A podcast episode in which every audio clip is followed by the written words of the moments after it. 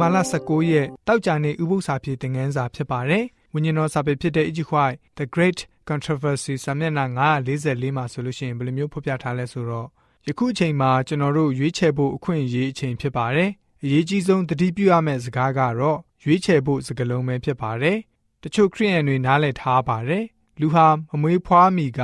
ဖျားသခင်ကအရာအလုံးကိုကြိုတင်စီမံပြီးသားအချို့ကိုထာဝရအသက်တချို့ကိုငရဲမိအိုင်သွားရမယ်လို့ ယုံကြည်သူခရိယန်တွေရှိကြပါတယ်။တမန်ကျမ်းစာရဲ့ဖော်ပြချက်အရ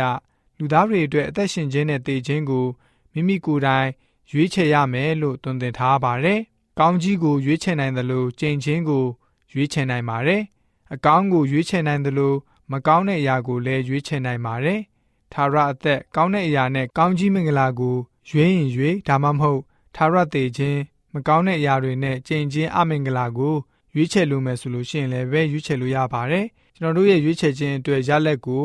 မလွဲမသွေရင်ဆိုင်သွားကြရမှာဖြစ်ပါတယ်မှားယွင်းစွာရွေးချယ်မိခဲ့မယ်ဆိုရင်လည်းပဲထာဝရတည်ခြင်းကိုရင်ဆိုင်ရမှာဖြစ်တော်လည်းပဲကဘာအဆက်ဆက်လောင်နေတဲ့ငရဲမိအိုင်အတွင်းမတင်မပြောက်နိုင်မဲခံစားရမှာမဟုတ်တဲ့အကြောင်းသိခွင့်ရတဲ့အတွက်အလွန်မင်းကောင်းတဲ့သတင်းစကားလည်းဖြစ်နေပါတယ် အပြည့်ရဲ့အခါကတော့တည်ခြင်းပဲဖြစ်ပါတယ်သို့တော်ဖျားရှင်ပေးသနာတော်မူတဲ့လက်ဆောင်မွန်ကတော့ထာဝရသက်ဖြစ်ပါတယ်အဲ့ဒီထာဝရသက်ကိုကျွန်တော်တို့ကိုးကွယ်ယုံကြည်တဲ့ယေရှုခရစ်တော်အားဖြင့်ရရှိမှာဖြစ်ပါတယ်အဲ့ဒါကိုယောမဩရစာခန်း6ငွေ23မှာတွေ့နိုင်ပါတယ်တန်ရှင်းသူတို့အတွက်ဆုလက်ဟာထာဝရသက်ဖြစ်ပြီးတော့ဆိုးရုပ်တဲ့သူတွေအတွက်ဆုလက်ကတော့တည်ခြင်းပဲဖြစ်ပါတယ်မောရှေဟာဣသေလလူတွေကိုကြီးညာတာကတော့ တရားဟောကြံခန်းကြီး30ငွေ15မှာကြည်ပါတော့အသက်ရှင်ခြင်းချမ်းသာနှင့်တည်ခြင်းဆင်းရဲတို့ကိုတင့်ရှိမှာယနေ့ငါထားဤဆိုပြီးတော့တွေ့ရပါတယ်တေချင်းကိုတမန်ကျမ်းစာရဲ့ဖော်ပြချက်အရ